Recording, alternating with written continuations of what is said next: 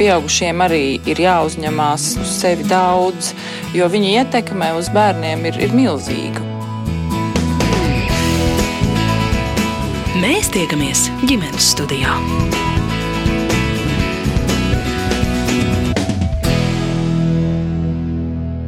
Labdien, un esiet sveicināti ģimenes studijā. Šodien es Agnese Linka dodos iepazīties ar Vītoliņu ģimeni tepat Rīgā. Viņi visi trīs ir kaismīgi ceļotāji, kas ļoti daudz iegulda pasaules izzināšanā un lielākās vai mazākās kompānijās ceļā dodas tiešām bieži. Ceļošanu, tāpat kā kvalitatīvu kopā būšanu, viņi sauc par savas ģimenes vērtību. Tētis Valdis vada piedzīvojumu turismu kompāniju, māma Ilze ir psiholoģe, strādā izglītības jomā, bet Mona, kurai drīz būs 16, mācās pamatskolas pēdējā klasē. Bet vairāk par sevi lai stāsta viņi paši.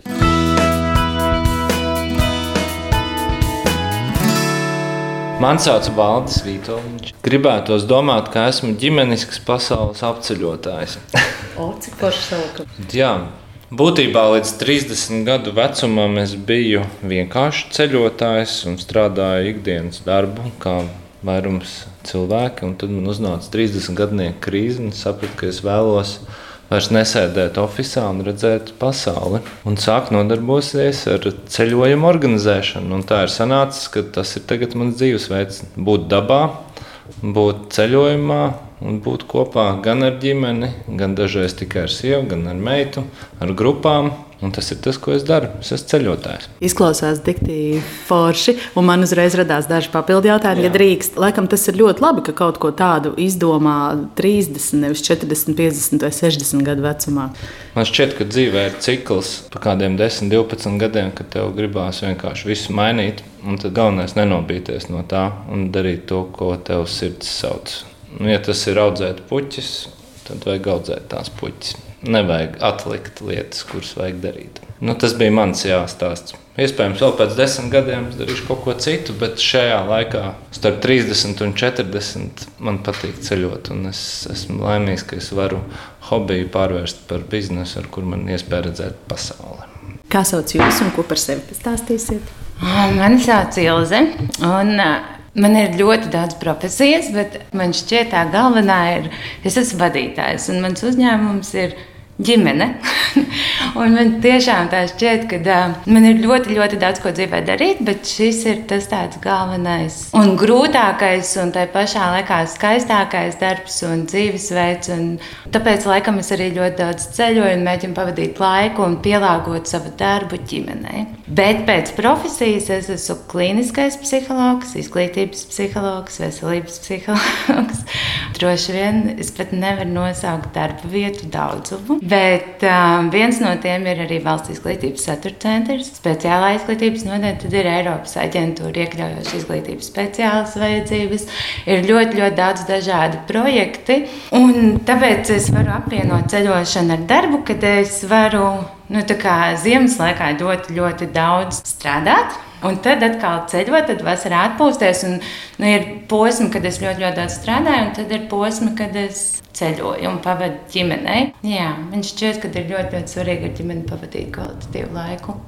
Un vispār nesen es dzirdēju, ka uh, mums ir bērni ir kopā kaut kāds 18 vasaras, vai ne? Un tad jau viņš aiziet darīt savas lietas. Un tad nu, es pēdējos gadus rīktīgi mēģinu visas vasaras pavadīt ar Monu, jo viņai tūlīt 16, tūlīt iet projām. Jau es gribu, lai viņi piedzīvo tādu labu laiku ar ģimeni. Mēs jau uzzinājām, ka tevi sauc Mona. Ko vēl tu varētu par sevi pastāstīt? Es teiktu, ka es esmu ceļotāja meita. Es lielāko daļu no sava laika pavadu ceļojot. Es nezinu, man liekas, man vienmēr ir vecāki rādījuši, ka ir jāceļo un jāredz pasauli savādāk nekā nezinu, skolas grāmatās to ieliek. Man ir bijusi iespēja redzēt kaut ko savādāk nekā man parāda skolā. Es laikam ļoti pateicīga, bet nu, tā pārsvarā es esmu pusaudzis un dzīvoju savu dzīvi. Un pastāst, kas ir otrs bez ceļošanas? Kur... Um, bez ceļošanas man lielākā aizrautība ir jāšana. Es visu savu brīvo laiku ārpus skolas braucu ar vilcienu uz Jālgavu, Jātu. Man liekas, ka tas ir vēl viens hobijs, kas nav ierasts, man liekas, pusaudžutē. Man patīk, ka man ir lietas, hobiji, kas atšķir no pārējiem. Kā tu nonāci pie šī vaļas prieka? Pie jāšanas es nonācu ar to, ka es vecākiem ilgi prasīju, jo man vienmēr paticis ar dzīvniekiem kaut ko darīt. Jāšanā es jūtos es pati. Tas ir labs veids, kā aizpildīt savu brīvo laiku. Cik sen jau ar to nodarbojies? Tagad būs trīs ar pus gadi kā profesionāli, un pirms tam mēs arī kā vienkārši zirgi izjādas tāpat pie jūras. Ko nozīmē profesionāli? Tu tiecies arī uz sacensībām, droši vien piedalies tajās. Jā, profesionāli nozīmē tas, ka ir vairāk intensīvi treniņi. Zirgi ir dažādi, un es varu, protams, doties uz treniņiem, un es piedalos sacensībās, kā arī es mainīju jāšanas novirzienu, kas man palīdz labāk tikt galā ar to, ko es darīju pirms tam. Vai tas nav tāds vaļasprieks, tāda nodarbe, kas prasa drosmi? Es vienmēr uz to skatoties, esmu tā domājusi. Jā, es teiktu, ka tas prasa drosmi. Bet man liekas, ka pārgājienos, ka mēs vienmēr ejam, man ir ļoti daudz izaicinājumu. Tad man jau sacensībās liekas, kas tas ir salīdzinājumā ar to, ko mēs darām ar vecākiem.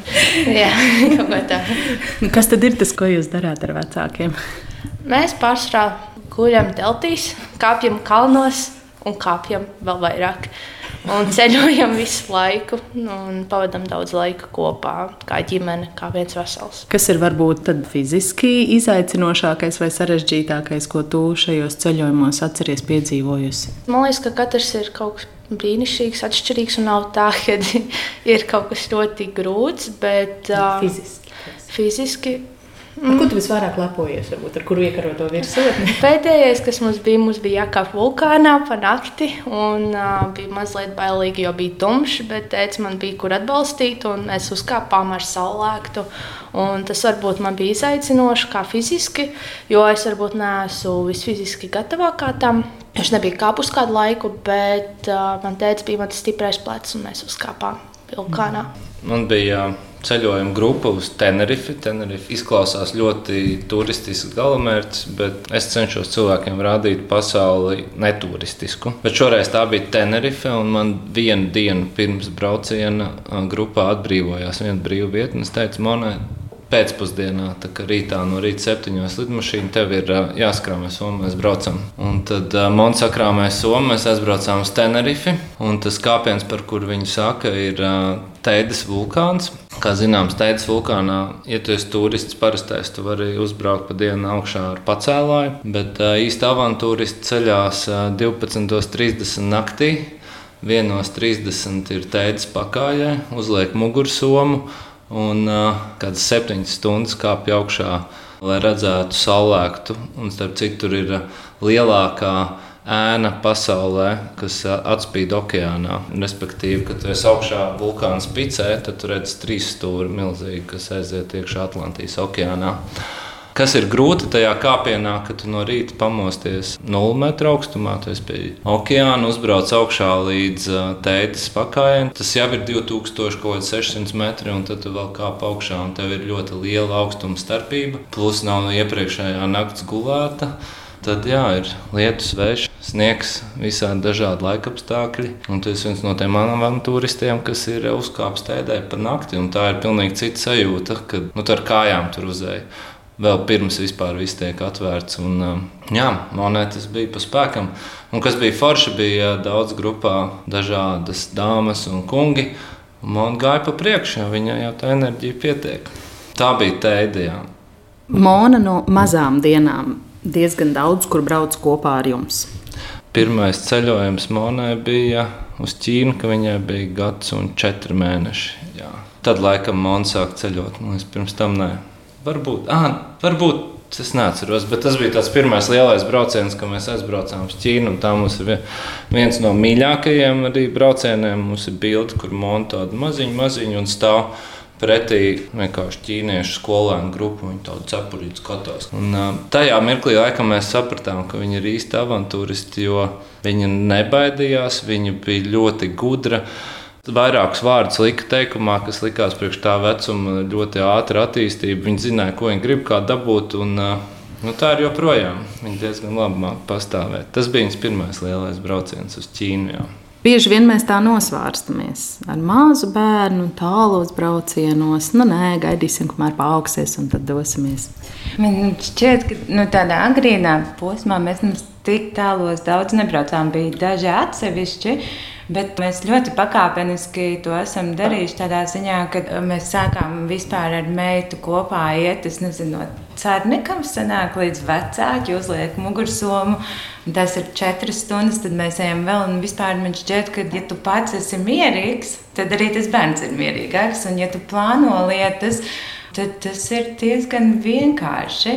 Un es uh, zinu, ka es meitai no ļoti agrīnas bērnības liku pašai kārtot somu.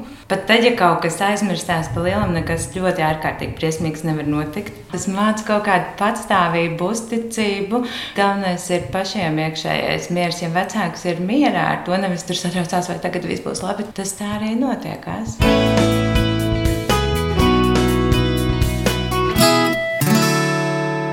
Cik lielā mērā vispār tas, ka jūs esat mamma, psihologs, ikdienā nodara un ietekmē jūs kā vecākus? Jā, tas ir vienmēr ko no manis gaida, kad mamma psihologs zina visu, bet īstenībā tā nebūtu nav, jo mēs bijām gan jauni vecāki.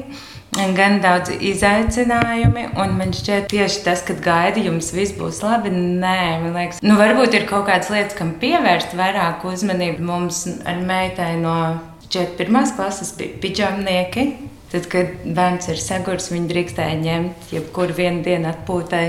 Tad arī par Tenerife, kāpēc mm. viņi devās, tāpēc, kad apkārt visiem bija gripe, viņai ir 9. klase, visi ir satraukti. Es saku, es jūtu, ka viņai ir nu, enerģijas līmenis super zemu. Un, uh, man šķiet, ka viņai ir jābrauc līdzi. Nu, vai nu viņa saslims, vai nu viņa aizbrauks. Droši vien kaut kādas tādas iekšējās pašregulācijas prasmes, jā, kaut kādas, kam es pievēršu uzmanību. Um, mums ir arī diezgan daudz mammas meitas braucieni, un tie ir parasti tādi izaicinoši. Vai nu mēs pieņemsim Olimpu kalnā, kāpjam ar sasaitēm, kur ir absolūta uzticība, vai tikko mēs bijām brīvlaikā sērfot, kur viņi nebija darījusi kaut kādas prasmes, kurās mēs esam neveikli, kurās mēs varbūt neesam tik droši, bet kas prasa savstarpēju saliedēšanu. Jā, no vienas puses tā ir absolūta psiholoģija, bet no otras puses man šķiet, ja tu nu, vienkārši uzticies un sajūti savu bērnu, varbūt tā nav psiholoģija, bet mammas mīlestība. Un mana pārliecība, ka nav tādas unikālas metodas nevienam bērnam, nevienai ģimenei. Nu, vienkārši ir kaut kādas vadlīnijas, pēc kurām tu vari iet un uh, to tā sajust. Psiholoģija, jā, palīdz, bet es domāju, ka tur vairāk ir ar tādu ģimeniskumu vērtību. Vienīgais droši vien, ka tās ir vērtības, kas man šķiet ir tādas būtiskākās, ko mēs ģimenē pārsvarā liekam, ka tā ir tāda uzticēšanās savstarpēji, vienlīdzīgi nu, sarunāties, ņemt vērā viedokli, neatstāt novārtā un droši vien arī par mācībām. Man laikam nekad nav bijuši ļoti svarīgi akadēmiskie sasniegumi. Mums ir vienmēr tāds reize pusgadā pārunāt, kuras prasmes vajadzētu. Iespējams, arī tāpēc, ka nu, ņemot vērā manu darbu specifiku, man sanāk vismaz reizi pusgadā doties, skatīties citu valstu izglītības sistēmu pieredzi, un es varu paņemt kaut kādas labākās lietas. Un, uh, Un tad mēs izvirzām mērķus, kas ir tas, ko tu šajā pusgadā gribētu sasniegt. Skaidrs, ka tas nav devītnieks matemātikā, tā varbūt ir problēma risināšana prasme, varbūt tā ir kritiskā domāšana, varbūt cita prasme, kas eh, ir vairāk svarīga nekā tieši tā atzīme, vai empātiskums, vai draudzīgums, vai sociāla emocionālās prasmes, kas vispār man ir nu, daudz gadus, desmit gadu atpakaļ, kad es par to runāju, tad viss teica, oh, kas tas tāds, un tagad ir skaidrs, visi par to runā. Un, uh, Nu, droši vien tās ir vērtības, un man šķiet, ka ceļošana ir vienkārši ģimenes vērtība ģimenes vērtību kopā, kvalitatīvi pavadīt laiku.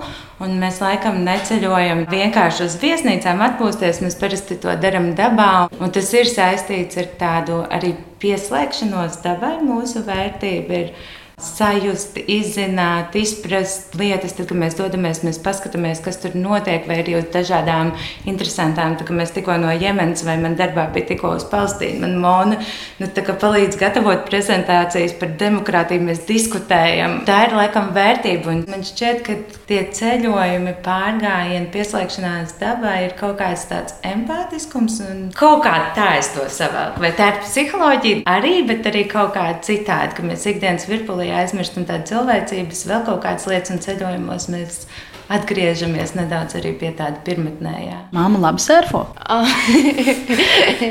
Viņa noteikti ir uh, vairāk relaksēta nekā es, jo es esmu skolas stresā. Man ir tāds pa labi, pa kreisi cilvēks, viļņi, ūdens un viss tas. Un mamma ir ļoti relaksēta, kā pat par sevi. Un uh, viņai padodas labāk. Es neteiktu, ka ļoti labi. Īstenībā sērpošana bija arī tas, kāpēc es izvēlējos. Jo sērpošana ir kaut kas par mieru, par elpošanu.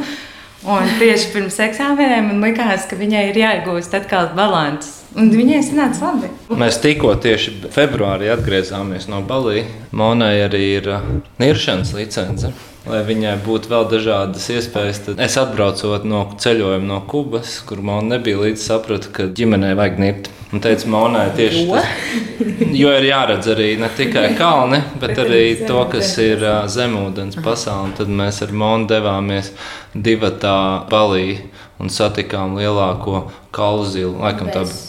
Nu, bezasāk. Tur izstāstīt, ko tu satiki. Kaut ko ļoti lielu ar vaļā muti un ļoti plakanu. Un tētis mani turēja, jo man ir vēl no zivīm.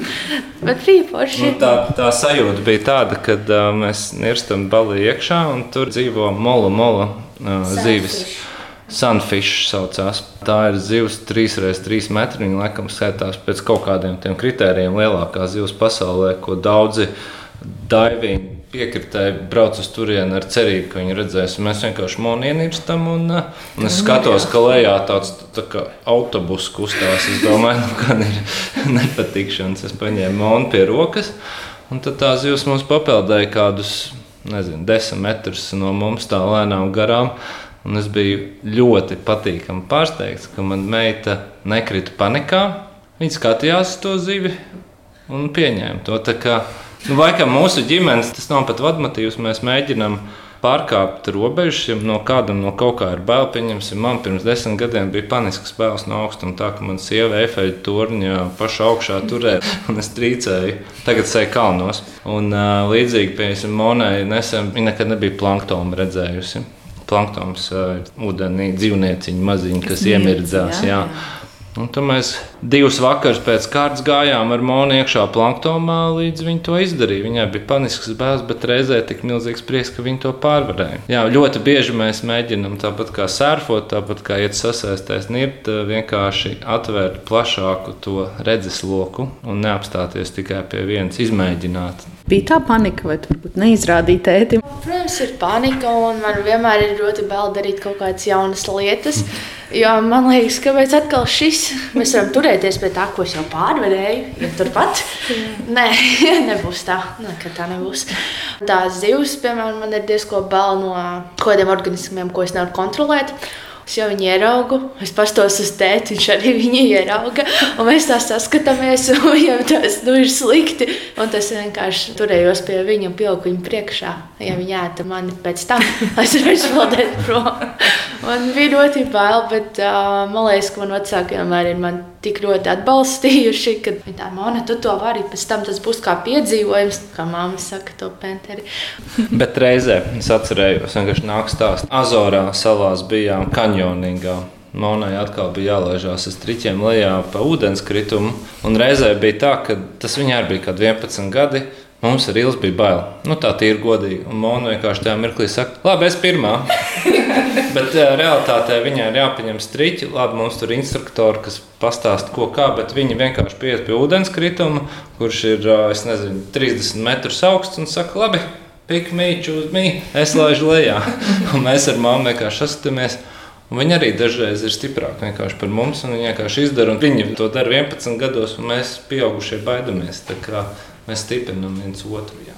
Par niršanu, cik monai tad bija gadi desmit, varētu būt. Man šķiet, vienkārši tik brīnišķīgi ģimenes nodarbe.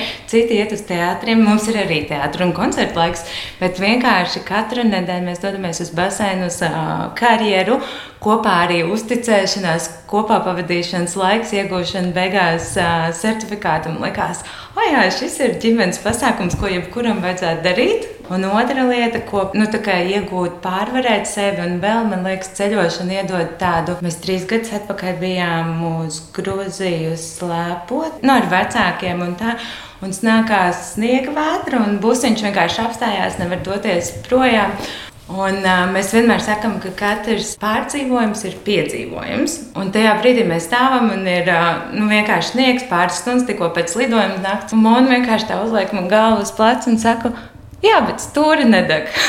Tad jau viss ir labi. Nu, kad tu ceļojot, arī piedzīvo, ka tik daudz kas var noiet greizi. Bet, uh, Nu, tas nemaina to, ka mēs esam kopā tādā cieņpilnā attieksmē un neķeram krēķi par lietām, kuras nevar izmainīt. Un tajā brīdī man arī brāļa meita, viņa vienmēr no visa baidās. Viņa tāpēc, šis ir pārdzīvojums, kurš būs piedzīvojums. man liekas, tik mīļi. Tā ir tā ceļojuma patiesā būtība, ka mēs esam kopā, mēs ejam cauri pārdzīvojumam un saprotam, ka Nu jā, tā notiek. Nu, tas nav nekas tāds, ko mēs varam izmainīt, ietekmēt, un tas norūda ļoti raksturu. Jūs pieminējāt ceļojumus kopā ar vecākiem. Kas ir tā jūsu paplašinātā ģimene, kas dodas eh, jums līdzi? Kopumā mums gadā ir tā, ka mums ir viens mūsu pamatģimenes ceļojums. Vismaz viens. Vismaz viens. Tad ir mana mammas meitas brauciens. Tad ir uh, mums katram ar valdi un grupu. Un tad pēdējos gadus, katru otro gadu mums sanāk līdzi mans tētis, man ir brālis ar sievu un meitu. Tas ļoti atkarīgs kurš kurā brīdī var, bet mums ir pietiekami liela ģimene. Māsām un brāļiem kopā ir vēl desmit bērni. Tā kā tad, kad mēs izdomājam, redzam, lēns biļets vai slēpot vai vēl kaut ko, mēs ceram šogad arī aizbraukt kaut kur.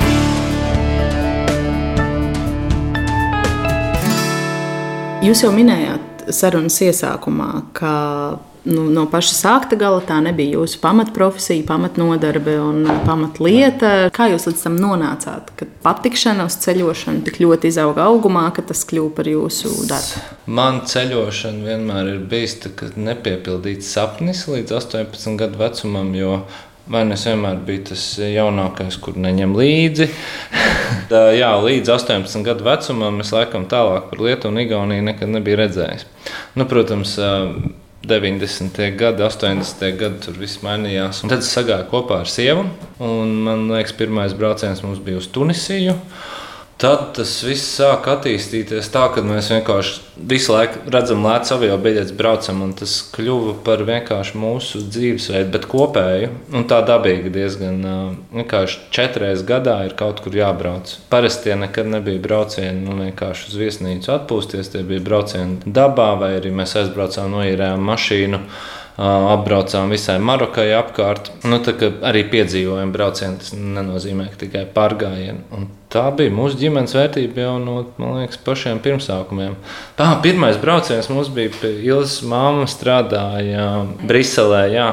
Mums bija tikko nolasīts tiesības, mēs vienkārši karti aizbraucām, kā vecos laikos, bez navigācijām. Vienkārši ielējām benzīnu un aizbraucām uz uh, Briseli. Tagad tas liekas vienkārši, bet tad ar karti mēs arī piebraucām pie Vācijas robežas un saprotam, Ah, 150 km kļūda. Jo, nu, tā, mums jau pašiem arī bija bail, jo telefons laikam bija. Bet, nu, kā mums atrast? Nu, pirms uh, Briseles uh, 52. nulēja, un tad pa labi, pa kreisi mums ir klāta. -hmm. nu, jā, un tad uh, un tā mēs sākām ceļot. Cik gadus tas bija atpakaļ? 16, 17. varētu būt. Tad, kad bija mans pirmais pacients, klients. Zinu, ka tā bija sieviete. Un, uh, viņai bija vīrs uh, ar insultu, vienkārši aizmidzis naktī un nepamodās. Un es atceros tik ļoti skaidri tos vārdus. Viņa saka, es tagad ir pagājuši pāris gadi un es eju par to māju. Mašīna ir nolietojusies. Tur ir skāpis. Šitam viņš strādāja no rīta līdz vakaram. Tās mantas visas nolietotas, un viņa arī vairs nav. Kopš tā laika jau arī var paskatīties pie mums. Manā mamma arī atnāk, jums ir tāds minimalisms. Un kaut kā tikai būtu jāizvēlās jauns auto vai braukt ceļojumā. Mēs noteikti braukt ceļojumā. Man liekas, nu jā, laikam tas bija man pirmais arī mūsu ģimenē, ka mēs runājam, ka manta ir ļoti svarīga, bet mēs laikam neesam gatavi ieguldīt savu darbu tik daudz, lai pirktu ļoti fancy, foršas lietas, ka tomēr tas laiks, kas ir kopā pavadīt, ir ārkārtīgi svarīgi. Un droši vien tāpēc mēs. Es visu naudu iztērēju ceļojumos. un droši vien tas ir svarīgi pavadīt kvalitatīvu laiku un kopā, kamēr tas ir iespējams. Nevis tad, kad kāds saslimst vai tad, kad kaut kas slikts notiek. Un tas kaut kā dabīgi mēs par to runājām un sapratām, ka mēs vislaimīgākie esam kopā īstenībā grūtībās, piedzīvojumos, kuros ir tiešām milzīgi izaicinājumi, kad man ir zilas lūpas un, un es zinu, ka es simtprocentīgi viņam varēšu uzticēties, vai Mona, kur ir vienkārši šis brīnišķīgākais ceļotājs, nevar iedomāties, ir 40 stundām pārbrauciens, lidojums, brauciens. Viņi vēl joprojām nu, var pienākt un vispār neneķojās, jo viņi zina, ka mēs viens otram nu, dodamies, un ja mēs kāds sāksim neķoties, tas vienkārši sabojās visu garstāvokli. Un kaut kā laikam tajā ceļojumā mēs viens otram atgriežam tādu uzticību, paļāvību un tādu absolūtu mīlestību grūtībās. Viņš šķiet, ka tāpēc mēs arī ceļojam, jo ikdienas virpulīte skrien, skrien, skrien. Katram savas lietas. Un tu aizmirsti novērtēt tās lietas, cik īstenībā tu vari paļauties, cik kopā mēs esam forši. Šodien ģimenes studija viesojas pie Vītoliņa ģimenes - Valda, Ilzas un Monas Rīgā. Viņi ir aizrautīgi ceļotāji, kas pasaules iepazīšanā netaupa ne savu laiku, ne spēku, ne citus resursus. Kāds varbūt klausās šo stāstu un domā, ak, tie ir kaut kādi nu, tādi izredzētie, viņiem droši vien kontā ir nezinu cik miljoni, ja tā var atļauties dzīvot vienos ceļojumos. Es pat varētu teikt, ka viena no foršākajiem ceļojumiem ir bijuši arī principā lētākie ceļojumi. Tas ir jautājums par menedžēšanu. Un pilnīgi noteikti, ka mēs ar Ilzi iepazināmies. Labi, tagad ir kaut kāds jau zināms vecums un ir stabilitāte, bet mums pat bija situācija, ka mēs bijām Amerikā un kontā ir palikuši 50 eiro un lidmašīnas uz mājām. Tad, kad es atbraucu mājās, izrādās, ka visa nauda nav noņemta no konta. Man ir nākamajā dienā mīnus 200 eiro kontā, un tev ir jābrauc pie vecākiem, jo ēst gribās. Nu, tā kā nauda arī būs kaut kad. Mēs vienkārši agrīnajā posmā arī īstenībā joprojām skatījāmies ir superīgs lidojums. Vienkārši pērkam, un tad jau izdomās, ko darīt. Tā mēs aizbraucām uz Norvēģiju apgājām piecās dienās apkārt fjordam, gulējām uh, sūnās uz paklājiņiem. Mēs pat telti nepaņēmām līdzi, gan jau kaut ko izdomās. Un mums brauciens izmaksāja uz abiem 100 eiro. Nu, es domāju, ka 100 eiro nu, gandrīz jebkurš strādājošs cilvēks var atļauties. Un tāpatās mēs uz Islandi aizbraucām. Tas arī bija viens no lētākajiem braucieniem. Mēs nopirkām pēc nedēļas lidojumus, arī maksāja 50 eiro turp apkārt uz Islandi. Izgājām no lidostas, nostupējām mašīnu, kas mūs aizved uz kalniem, un mēs vienkārši teltīm iegājām kalnos, izstaigājām, un pēc tam atbraucām atpakaļ. Tas ir jautājums par to, kā tu vēlēsies redzēt pasauli. Jā, to var darīt dārgi, un to var darīt avantūriski. Un tad reizē darot tā, būs piedzīvojums. Piemēram, tagad mēs bijām sērfot uz Maroku. Ja tu laicīgi atrod lētas biļetes, un tad uh, uz vietas tur ir lētāks, un es domāju, cik daudz vecāki pavadīja brīvlaikā ar bērnu mājās, cik viņi iztērē naudu, aiziet vienreiz uz Rībību. Uz Zāko parkas un sanāk līdzīgas summas. Īstenībā, ja mēs skatāmies, ja mēs pavadam ar bērnu vai ar ģimeni kopā šeit pat Latvijā, aizejot uz koncertu, vien jau ir, man liekas, nu, un, un arī, ja tu nopērci lidmašīnas biļetes, nezinu, pusgadu iepriekš, un tu vari ņemt super fancy viesnīcu, bet tu vari paņemt ļoti vienkāršu, un uz vietas noteikti iztērēs vēl mazāk nekā tur. Tas ir jautājums, kā Valdis saka, par plānošanu. Ja tu laicīgi atrod lētas biļetes, ja tu laicīgi pieliec kaut ko, un ja tā ir tava vērtība, tad nu, droši vien tikpat, cik pavadīt veikalā svētdienu izmaksā. Pieņemsim situāciju, kad Ilzas brālis Jānis brauc ar ģimeni uz Azorām. Uz Azorām normālā situācijā ir diezgan dārgi aizlidot, bet vienā mirklī cena bija no Latvijas 20 eiro turp apakaļ. Viņš nopirka biļetes nemaz nepaprasot vecākiem, vai viņi grib Nu, tad, vienkārši tev ir jāizmanto tas mirklis, tu nevari gaidīt, un tad tu nopērci. Viņi negribēja sākumā, bet viņas pierunājuma beigās viss aizbrauca. Un, uh, Un ir jau mūsdienās ļoti daudz grupas, uh, Facebook, Instagram, kur tu vari atrast lētas biļetes. Vienkārši, nu, ja tu veltīji tam laiku un seko, nu, protams, ka tā ir plānošana. Un, nu, reizē tev ir jābūt gatavam situācijām, ka viss tur pamainīsies. Nezinu, tiks mājās, netiks mājās, bet tas viss dara piedzīvojumu. Un, uh, ja ir vēlme ceļot, tad viņi ir jāpiepilda, jo mēs visi paliekam vecāki. Un tu iespējams pēc tam 30 gadiem nožēlos. Bet labāk ir uh, ļauties un uh, pēc tam domāt, varbūt tur nevajadzēja aizbraukt, varbūt vajadzēja, bet tu vismaz esi bijis tajā piedzīvojumā un es piepildīju savus vēlmes, nevis visu laiku atlicis to savu dzīvi. Nu, dzīve iet garām arī, ja tu viņu plāno. Diez vai kādreiz kāds tā teikt, ah, žēl, ka es toreiz aizbraucu uz tām ārzemēm. vai arī vai man liekas, kad jūs pēdējais bijat pie Okunskundas teltiņā Latvijā. Pārsteidzoši man apkārt draugi paziņas saka, bet tur ir ciets. Tas kaut kas man liekas. Te patās arī Latvijā ir brīnišķīgas vietas, kur ceļot un pavadīt laiku. Lai praktizētu šādu pieeju, ir jābūt, nu, kā ģimenē, arī ļoti elastīgai pieeja attiecībā uz darbu. Ok, ceļošana ir jūsu darbs un jūs tur daudz ko varat pakārtot, bet kā ir ar eh, skolu un eh, skolas eh, pakārtošanu daudziem kopīgiem ceļojumiem. Māma rāda uz Monu, ja Mona vispirms nokomentēšu. Mēs to darījām ļoti pakāpeniski, kā māma ir stāstījusi pirms tam. Tas varbūt bija izaicinoši, un es nezināju, kā tur saprasties ar tiem darbiem.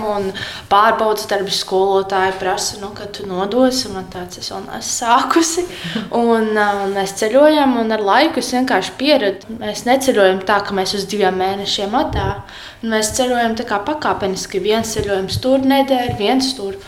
Un tad man ir arī laiks, kad atnāku uz skolu un e, saķeru to vielu. Man pat dažreiz ir tāda lielāka motivācija to vielu mācīties. Nevis, ka pēc mēneša sēžu skolā, man jau apnīk, apnīk, ko mēs tur darām, jo nekas jauns nav. Un tā iziešana prom no tās skolas rīta varbūt palīdz pat labāk mācīties to vielu. To arī attālināti mēģina visu darbus izdarīt. Jā, es noteikti teiktu, ka uh, vajag būt kaut kādā veidā pašai tikt ar sevi galā. Nu, nav tā, ka vecāki man teica, dari, dari to.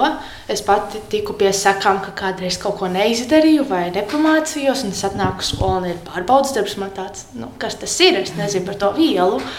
Es zinu, ka mēs ar tēti kaut kur braucam, es vienkārši vakaros atveru to vielu, paprasu grupā, hei, man vajag zināt, es nesaprotu, viņi man palīdz. Un tad kaut kādā veidā es pati tieku pie tās informācijas, un atnākot no skolas, es varbūt atceros to labāk, jo man ir kāds stāsts, kā es tiku pie tā. Tie viņi, kas palīdz, ir eh, skolas biedri vai tie ir ceļojumu grupu biedri? Ceļojumu grupu biedri. Aha. Es teiktu, skolā man palīdz, bet man nepatīk īsti prasīt to skolas palīdzību. Es nezinu, man liekas, ka katram ir sava dzīve, un viņiem jau tā ir stress. Un grupās visi ir atbraukuši ceļojumā. Ja viņam kāds viens cilvēks paprasa kaut ko, tas nav tik grūti. Jā, jā. Pieaugušajiem parasti ļoti patīk. Ceļojumi Tenerifē, viņi bija gan juristē jautājums, bija iepriekšējā arī izglītības ministra. Viņas runāja par jaunām kompetencijām, kā ir ieviestas. Jā, tas bija ļoti interesanti, jo skolā mums iedod informāciju un iemācīties. Bet tie, kas bija specializējušies kaut kur tikuši augstāk tajā jomā, jau teica, šeit ir daļa no informācijas, meklē, man parādīja. Man bija tāds, wow, es tiešām varu atrast, un varbūt tā bija attālinātā mācīšanās. Es mācīju labāk darboties ar datoru, bet tad, kad es biju tur, viņam parādīja kaut kādas jaunas prasmes, ko skolas nebija iemācījusies. Man bija tāds, man nav jāiemācās no galvas, man vienkārši arī jāsaprot, kā dzīvē to izmantot un atrast. Un tas bija ļoti interesanti.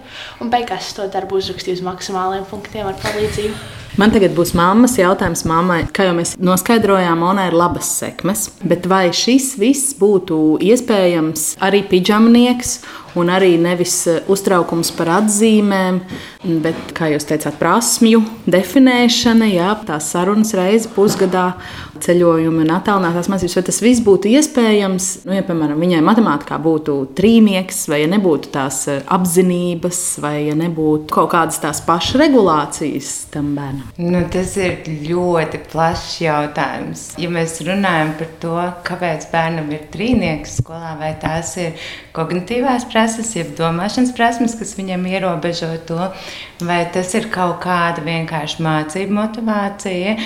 Tad ir pavisam dažādas atbildes. Nu, es nezinu, nevienu bērnu, kurš ir pamodies un izdomājis, es šorīt mācīšos slikti.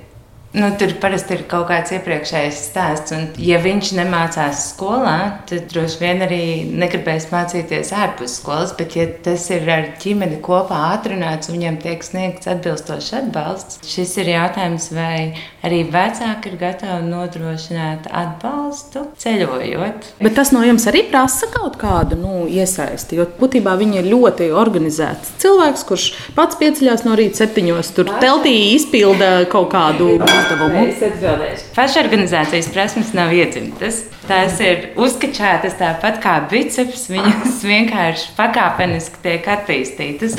Ja vecāki to motivē, vai bērnam pašam ir motivācija, nu, droši vien vienkārši atbalstīt viņa labās lietas. Un, um, Es nezinu, ko maina, ja bērns aizbrauc nedēļu atpūsties, ja viņam ir trīnieks matemātikā. Vai tas viņam iedos vēl lielāku robu, vai jautājums, vai viņi vienkārši ar vecākiem, piemēram, var paņemt grāmatu un atvērt un parunāt, kas tad ir tās lietas. Es zinu, kad mēs ar Monu vienreiz atvērām matemātiku, viņa bija ilgāk prom. Viņa saka, wow, es to varu iemācīties dienā, nevis nedēļā. nu, tā kā izskaidrojot, un tad arī vecāks var vairāk pievērst uzmanību, varbūt, kas viņam ir grūtāk, kas viņam ir vieglāk vieglāk. Nu, jā, Un es arī pie sevis iedomājos, tad, kad jūs stāstījāt par to pidžamnieku ideju, ka daudzi vecāki viņiem varbūt ausis aizķērās aiz tā, ah, bet ja es savam bērnam, kurš varbūt nav tik super apzinīgs, dodu pidžamniekus, tad iespējams viņam būs pidžamnieks katru mēnesi, tad katru nedēļu un tad jau katru trešo dienu. Bet man šķiet, ka tā arī Monē bija. Viņa sākumā ņēma kaut kādu vienu pidžamnieku mēnesī, tad bija tikai sezonāli, tagad es viņai saku, mīļā, lūdzu, paņem pidžamnieku, tev vienkārši vajag atpūsties. Bet bet tā ir prasme, ko viņi iemācās. Es regulēju, es jūtu, ka es esmu noguris, man vajag atpūsties. Un vai nu tev ir iespēja saslimt uz nedēļu, vai nu tev ir iespēja paņemt to pidžamnieku. Un tāpat arī ceļošanā tā plānošanas prasme. Viņa saka, es jau vienreiz, divreiz neizpildīju, sapratu, ka man ir jāsāk darīt. Un tā apziņība ir droši vien, ka tu ļauj piedzīvot sekas. Es nesaku, ka visām ģimenēm ir vajadzīgs ceļot. Es pieļauju, ka citiem ir tāpat iet dabā, un tā var būt kultūra, un, un katram tās savas vērtības. Bet es nevaru priekš sevis iedomāties, kas labāk attīstītu personību. Mēs tiešām analizējam, pirms tam mēs paskatāmies, kas notiek mēdījos. Vai arī, piemēram, kad mēs pirmoreiz braucām uz musulmaņu valstīm, mums likās, wow, nu tā kā visās ziņās, ka tur kaut kas notiek. Īstenībā tur ir tik daudz mīlestības, tur ir tik daudz tradīcijas. Pilnīgi visas, man liekas, tās prasmes, kas dzīvē ir vajadzīgas, un sākot ar visām caurvīju prasēm, problēmu risināšanu vai ne, digitālās prasmes, empātiskums, sociāla emocionālās prasmes, analizēt. Jā, es ļoti ceru, ka to kaut kādā veidā var ieviest skolas sistēmā. Nu, kaut vai es nezinu, kur, kur aizceļo uz Antarktīdu vai vienalga, kur tu vari to darīt literatūrā literatūrā stāstīt, vai ne? Latviešu valodā, geogrāfijā, visur un tādā veidā arī izglītot citus. Es vispār neredzu nekas slikts, ja bērni savā starpā dalītos par to, ko viņi ir redzējuši, piedzīvojuši, kādi ir bijuši izaicinājumi, kā pārvarēt grūtības, kā piedzīvot. Man šķiet, tas ļoti, ļoti, ļoti attīsta personību. Jebkurā veidā. Arī mani pašu. Nu, tieši par Monu runājot, man liekas, ka mēs viņu esam, tiklīdz viņa sāka runāt, mēs mūsu ģimenē viņu esam vienmēr uzskatījuši par mazu pieaugušo vienmēr viņas viedoklis ir ticis ņemts vērā. Nu, es nezinu, pieņems, ja mēs vēlamies braukt uz laukiem, tad mēs paprasām, vai Mona vēlās braukt uz laukiem. Es vienkārši mēs braucam uz laukiem, tu brauc līdzi. Vai, ja mēs pērkam mašīnu, tad mēs arī meitai paprasām. Nu, viņa vienmēr ir bijis mūsu līdzcilvēks, un viņai ir bijis iespēja pieņemt lēmumus, un tas arī ir viņu attīstījis. Un savukārt par to došanos dabā, pieņemsim tas, ko mēs no Montes esam redzējuši, ka pat pietiek, mēs sestdienā aizbraucam uz mežu pastaigāties, pat jārā ir slikts laiks, viņi smējās, viņi visu laiku runā.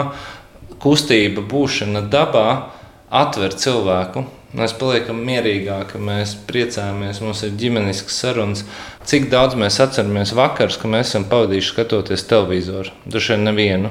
Bet tad, kad mēs aizgājām dabā, piesmēlām purvā pilnas kājas, tajā pašā dienā, ko mēs varējām sēdēt pie televizora, mums bija piedzīvojums un iespējams mēs no tā bērna uzzināsim, kāpēc viņam ir tas trīnieks, jo viņš ar mums runās. Tad, kad mēs skatāmies vienkārši televizoru un spēļam kanālus, visticamāk, mēs nemaz pa īstam neesam kopā mājās. Vai arī mums ir tradīcija, ka dienā pajautāt pie vakariņu galda vai, vai apsēžoties, nosaukt trīs labas lietas, kas tev šodien notika, trīs tas, kas tev bija izaicinoši vai apbēdināja. Tas arī var būt veids, kā sarunāties. Un arī doties dabā, pārgājienās, kā mēs zinām, arī no domāšanas ķermenis apziņojās ar skābekli. Labāk notiek domāšana. Pavisam zinātnē. Es dažreiz montu, ka mēs braucam ar riteņiem vasarā sauc pa Latvijas radio. Viņi vienkārši runā, runā, runā, runā, runā. runā. Jā, tā mēs darām. Klau, nu, lai nebūtu tā, ka mēs tevi tikai aprunājam, man izklausās, ka tu neesi tāds pusaudzis, par kādiem stāsta ļoti daudz vecāku. Istabas durvis ir ciet, uz durvīm ir rakstīts, lūdzu, netraucēt, un nāciet manā istabā pēc iespējas mazāk. Es teiktu, ka man vienmēr patīk, ja man ir savas robežas, un man liekas, ka es ģimenē ļoti nolikusi. Bet man liekas, ka mēs visi esam tik atvērti viens otrā, ka mamma ir tāds, hei, man patīk tavs čemperis. Man liekas, ka šodien, piemēram, viksēm piestāvētu. Nav tā, ka es mācos, bet jā. Nu, tad ir modes skats ar manām drēbēm. Um, un uh, tad tētis atnāk, hei, mēs sen neesam lidojuši, jau mēnesis ir pagājis jālido.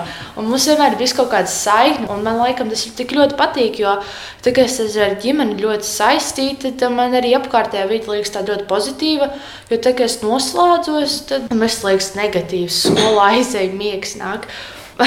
un tagad es esmu ar vecākiem atvērta, tad es savā ādā, jo tie ir īstenībā tie cilvēki, kas par mani visvairāk rūpējas, nevis tie apkārtējie, kas varbūt aiz malas man aprunātu. TikToks tā nostājies starp jums.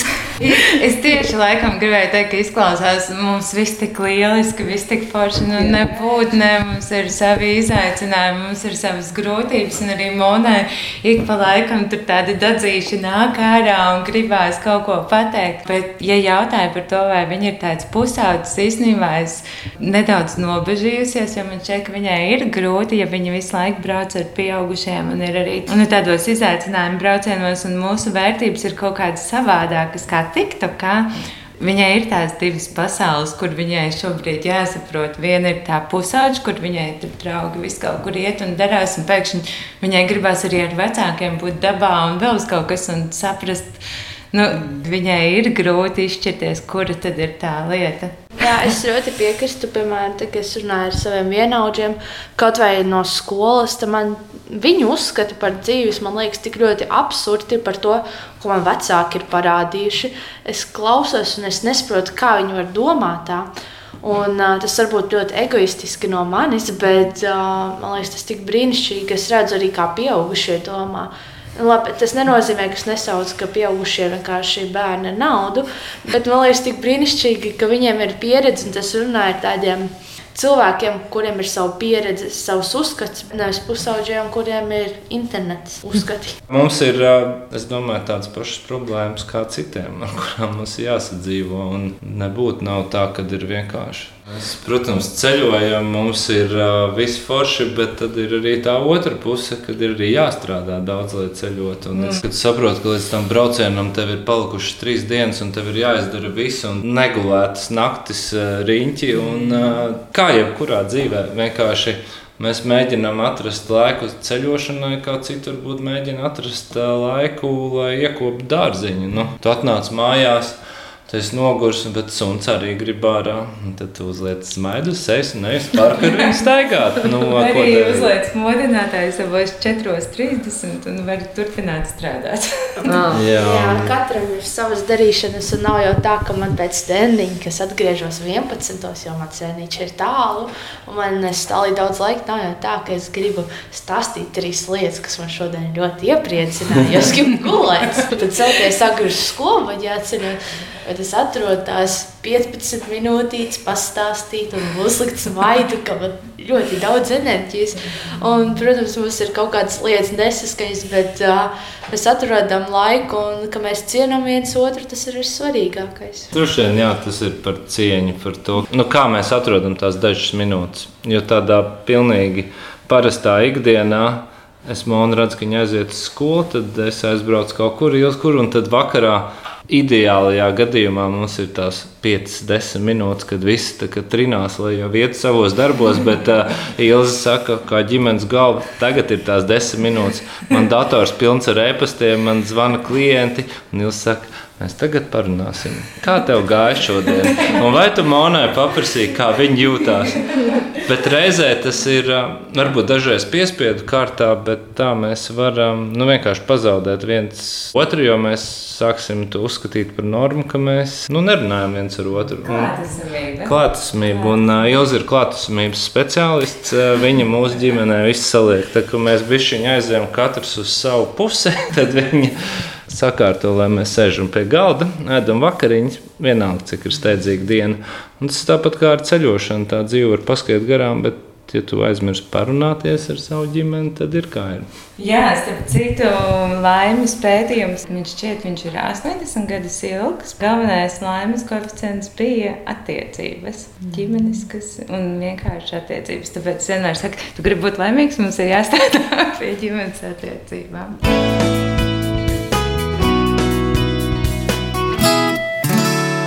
Šoreiz ģimenes studijā iepazinām Vītoliņu ģimeni. Ar Valdi, Ilzi un Monu sarunājos es Agnese Linka, par raidījumu tapšanu gādāja arī Sarmīta Kolāte un Nora Mītspapa. Paldies, ja klausījāties! Meklējiet ģimenes studiju arī podkāstos un Latvijas radio mobilajā aplikācijā un sekojiet mums arī sociālos tīklos uz sadzirdēšanos!